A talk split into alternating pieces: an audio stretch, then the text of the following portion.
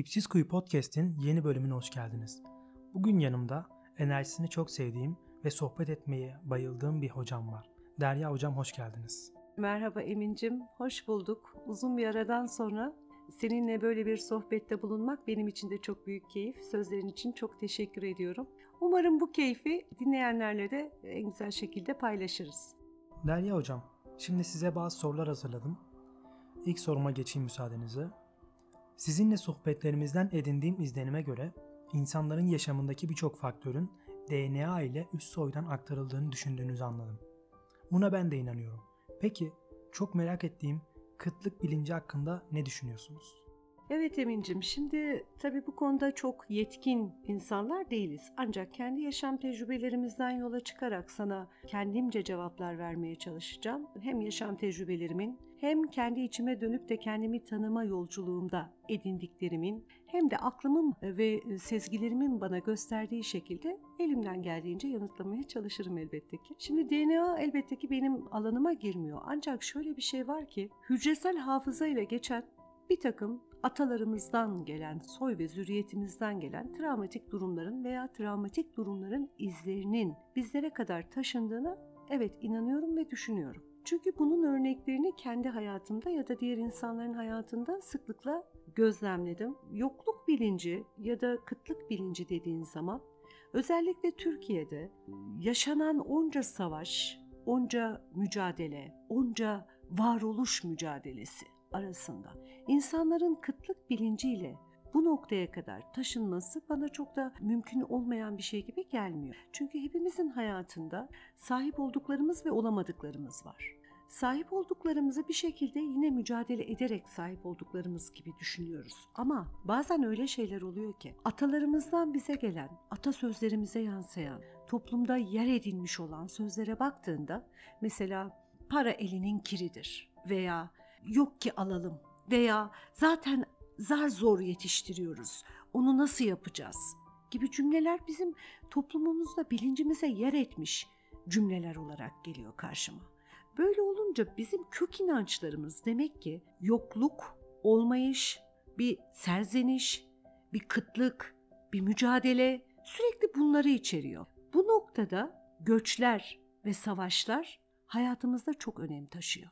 Şimdi ben diyorum ki bu kök inançlarımızı elbette ki atalarımız bunları yaşadıktan sonra bu inançlara sahip oldu ya da bu sözleri var etti ama ben şimdi diyorum ki bu kök inançlarımızı acaba değiştirebilir miyiz ve bizden sonrakilere aktarımının önüne geçebilir miyiz? Evet dediklerinize ben de katılıyorum.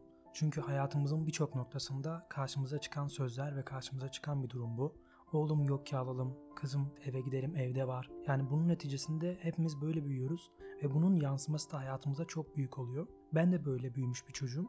Annem küçüklükten beri her seferinde poşeti gelir doldururdu eve çok güzel ama biz bunu sadece böyle çok çok istediğimizde veya annem çıkarttığında yiyebilirdik. Ve bunun bizde yansıması da şu şekilde olurdu. Biz kendimiz de evde bunları arardık, bulmaya çalışırdık. Ben şu an dahi bunun yansımasını hissediyorum. Şöyle ki bir şey aldığımda onu böyle çok sevdiğim insanlarla yemeye çalışıyorum. Böyle ne bileyim onu yediğimde ufaktan bir rahatsızlık oluyor. Sanırım bu da yokluk bilincine girmektedir diye düşünüyorum. Ama çok da merak ediyorum. Sizin bahsettiğiniz gelecek kuşaklara aktarılma mevzusu nasıl başarılabilir? Sözü size bırakıyorum.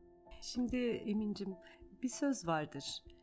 Dede ekşi erik yer, torunun dişi kamaşır. Bu o kadar çok şey içeren bir söz ki aslında. Son zamanlarda eğer izlediyseniz Zeytin Ağacı adında bir dizi çıktı. Ve bu dizide aile diziminden söz edilmeye başlandı. Aslında bu aile dizimi olayı ilk defa Almanya'da Bert Hellinger'in dünyaya sunduğu bir teknikti. Yani geçmişten gelen, köklerimizden gelen her ne varsa bunların sonraki kuşaklara taşınmaması için ne yapabiliriz? Bu bir yol, bu bir yöntem, bu bir teknik. Bunu deneyebiliriz elbette ki. Ama tas tamam işe yarar mı, gerçekten de tam olarak şifalandırır mı kısmına geldiğinde bunu ancak deneyimleyerek görebiliriz ya da öğrenebiliriz. Ben bunun işe yarar bir teknik olduğuna gerçekten inanıyorum. Bunun yanı sıra gelecek kuşaklara aktarımının önüne geçebilmek için benim geçmişimle yüzleşmem, kendimle yüzleşmem, atalarımla yüzleşmem ve onlara hak ettikleri değeri vermem gerekiyor. Çünkü onlar bu acıları çekenlerdi. Çünkü onlar bu travmayı yaşayanlardı. Benim belki de büyük büyük annem yaşadı bu travmayı ama ben onu onurlandırmak zorundayım. Çünkü benim şu anda sahip olduğum pek çok şeyin belki de kaynağına döndüğümde onların bana öğrettiklerini, işte bu hücresel hafızayla bana geçen bütün öğretileri, bütün kültürü, var olan tüm değerlerimi oraya kadar gittiğini görüyorum. Şimdi bu noktada benden sonraki kuşaklara, çocuğuma ya da torunuma ve ondan sonraki kuşaklara olumsuz olan duygu ve düşüncelerin geçmemesi için benim kendimde bunları temizlemem gerekiyor. Yani ben burada kilit noktayım. Eğer ben geçmişimle yüzleşerek olumsuz olan her ne varsa duygu ya da düşünce ya da iz ya da travmatik her ne varsa bunları kabul ettiğimde, kabule geçtiğimde bak burası çok önemli. Direnmeden, reddetmeden, dışlamadan kabule geçtiğimde kendimle ve geçmişimle barışmaya başlıyorum. O yüzden kilit nokta benim. Ben kendimle ve geçmişimle ve atalarımla barıştığımda benden sonraki kuşaklara geçecek olan hiçbir izi, olumsuz olan hiçbir izi taşımamış oluyorum. Hayat elbette ki her zaman olumlu gitmeyebilir. Elbette ki biz şu anda dahi pek çok olumsuz duyguyu, durumu yaşayabiliriz. İlişkilerimizde veya maddi anlamda veya iş olaylarında her ne durumda olursan ol. Ama şu anda yaşadığımı fark ederek bunu şimdi çözersem eğer benden sonraki kuşaklara bunun olumsuz sonuçlarının yansımayacağını garanti edebilirim. Ve şimdi çözmek için o zaman ne yapacağız? Kendimizle barışmanın yollarına bakacağız. Bunu bulacağız. Kendimizi tanıyacağız. Kendimizi bileceğiz. Korkularımızın farkına varacağız. Kaygılarımızın farkına varacağız. Hepimizin geleceğe dair kaygıları ve korkuları var. Meslekle ilgili korkularımız, yaşam mücadelesindeki korkularımız. Ama bu korkularla yüzleşmeden bu korkular sadece çığ gibi büyüyerek üzerimize gelmeye devam edecektir. O halde hadi yüzleşelim ve bizden sonraki kuşaklara tertemiz bir gelecek bırakmak için. Şimdi yüzleşelim. Derya Hocam şöyle ki sizinle en son konuştuğumuzda akışta olmak gerektiğini ve bir şeylerden korkmadan adım atabilme cesaretine erişmek gerektiğini, bunun hayatımızı şekillendirebileceğini konuşmuştuk. Ve neticesinde ben bir iş görüşmesine gitmiştim sizinle görüştükten sonra. Çok korktuğum ve beni tedirgin eden bir konuydu iş hayatı, ofis hayatı. Ve sizle konuştuktan sonra ofis hayatının aslında o kadar da kötü olmadığını, belki de karşılaştığım insanlardan kaynaklıdır bilemiyorum. Ama bunun o kadar da korkmamam gereken bir şey olduğunu fark ettim. Ve bu vesileyle bir çekincemi, bir korkumu daha yenmiş oldum. Aslında sizin dediğiniz konuya geliyor bu da. Ne kadar kendimizle ilgili bir şeyleri yenersek, başarırsak ve kendimizi mutlu olabildiğimiz insana yaklaştırabilirsek bu bence de ilerideki soylarımıza, alt soylarımıza da etki edecektir. Evet Emin'cim içimizdeki çocuk umarım hiç ölmesin. Onun sesini her zaman duyalım ve onu her zaman olduğu gibi kabul edelim. Olduğu gibi kabul etmek. İşte bence en önemli konulardan bir tanesi de bu. Hani biraz önce akışta olmaktan bahsettin. Akışta olmayı çoğu insan e, dilde kullanır. Ancak tam olarak karşılığının ne olduğunu bilir mi, bilmez mi, yaşar mı, yaşamaz mı ondan çok emin değilim bazen. Çünkü akışta olmak bir kaderci anlayış değildir. Tamamen bir fatalist anlayış değildir. Her şeyi olduğu gibi kabul etmek, tamam o zaman yapacak bir şey yok deyip kurban rolüne girmek hiç değildir. Akışta olmak, olanı olduğu gibi kabul etmektir. Değiştirebilme gücünü bilerek, değiştirebileceğine inanarak ama olanı olduğu gibi kabul etmek. Yani önce her şey kabul etmekle başlar. Evet, bu benim başıma geldi. Evet, şu an kendimi kötü hissediyorum. Ne olabilir? Her şey olabilir. Evet, ben terk edildim. Evet, ben korkuyorum. Evet, benim ölüm korkum var. Evet, ben gelecekten endişeliyim. Evet, ben parasız kalmaktan korkuyorum. Her neyse o. Onu direkt olarak öncelikle kabul etmekle başlar her şey. Ondan sonra şu anda buysa Peki bundan sonra ne yapabilirim? Çözüm üretmek burada giriyor devreye. Oraya kadar bir kabulleniş olan bu. Ama nehrin tersine yüzmek kimseye bir şey kazandırmıyor Emin.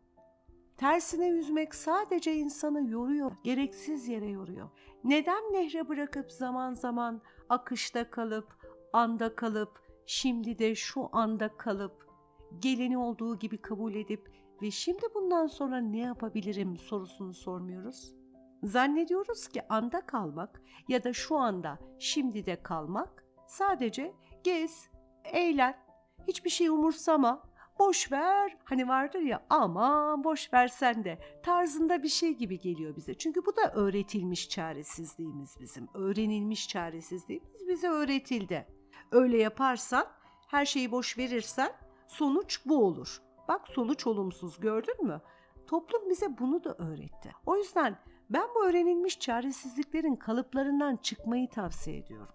Artık bu kalıpları, bu zincirleri, bu esareti kırmayı istiyorum ve herkesin kırmasını istiyorum. Kendi yaşam tecrübelerimiz dedik, kendi deneyimlerimizle yola çıkmak dedik. Atalarımıza teşekkür ettik, onları onurlandırdık. Onlar bunları yaşadı. Kabulüm. Ama ben bunları değiştirebilirim. Şimdi şu anda. Şimdi şu anda olmak nedir? Anda kalmak nedir? Akışta olmak nedir? Bu yarını düşünmemek anlamına mı gelir? Kesinlikle hayır. Geçmişimi bilerek değiştirebilme gücünün, dönüştürebilme gücünün bende olduğunu fark etmek anlamına gelir. Yani anda kalmak aslında fark etmektir. Mış gibi yapmaktan çıkmaktır. Yaşarmış gibi yapıyor birçok insan. Daha kötüsü severmiş gibi yapıyor birçok insan. Dinlermiş gibi yapıyor birçok insan. Ama bakıyorsun hiç kimse birbirini dinlemiyor. Herkes anlaşılamamaktan şikayetçi. Kimse doğru düzgün nefes aldığının dahi farkında değil. Kimse gökyüzüne kafasını kaldırıp bakmıyor o maviliği görmüyor ama yaşıyorum diyor. Herkes bir koşturmacanın içerisinde ama kendini ayırdığı, dostlarını ayırdığı, ailesini ayırdığı, anne ve babasını ayırdığı, sevgilisini ayırdığı zamanı o kadar kısıtlı tutuyor ki onun yerine sadece koşturarak hayatını devam ettiriyor. Anda kalmak fark etmektir bence. Her şeyi fark ederek yaşamak. İşte bu senin elindeki en büyük silahtır. Yani insanoğlu bu hayata bence fark etmek için gelmiştir. Fark et, öğrenmelerini doldur cebine. Doldur ve yoluna devam et. Çünkü bitmeyen bir yoldasın. Yolun bitimi senin sadece fiziksel olarak ölümünün gerçekleştiği yer öyle değil mi? E o halde neden öğrenmelerimle yoluma devam etmek yerine sürekli bir yerlerde takılıp kalmayı seçiyorum?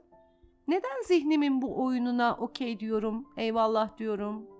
Neden zihnimle sürekli bir savaş halindeyim? Bırakmayı neden bilmiyorum? Neden sürekli her şeye tutunma ihtiyacı hissediyorum? Bağımlılık gibi. Düşüncelerime tutunuyorum, duygularıma tutunuyorum, Dün yaşadığım o olaya tutunuyorum. 10 yıl önceki çocukluğuma tutunuyorum. İşte kabulleniş burada başlıyor. Tutunmadan yola devam edebilmek. Hep yoldayım, hep yoldayım. Hani Jaspers'ın dediği gibi felsefe yolda olmak demektir. Ya neden çıkıyorum bu yoldan?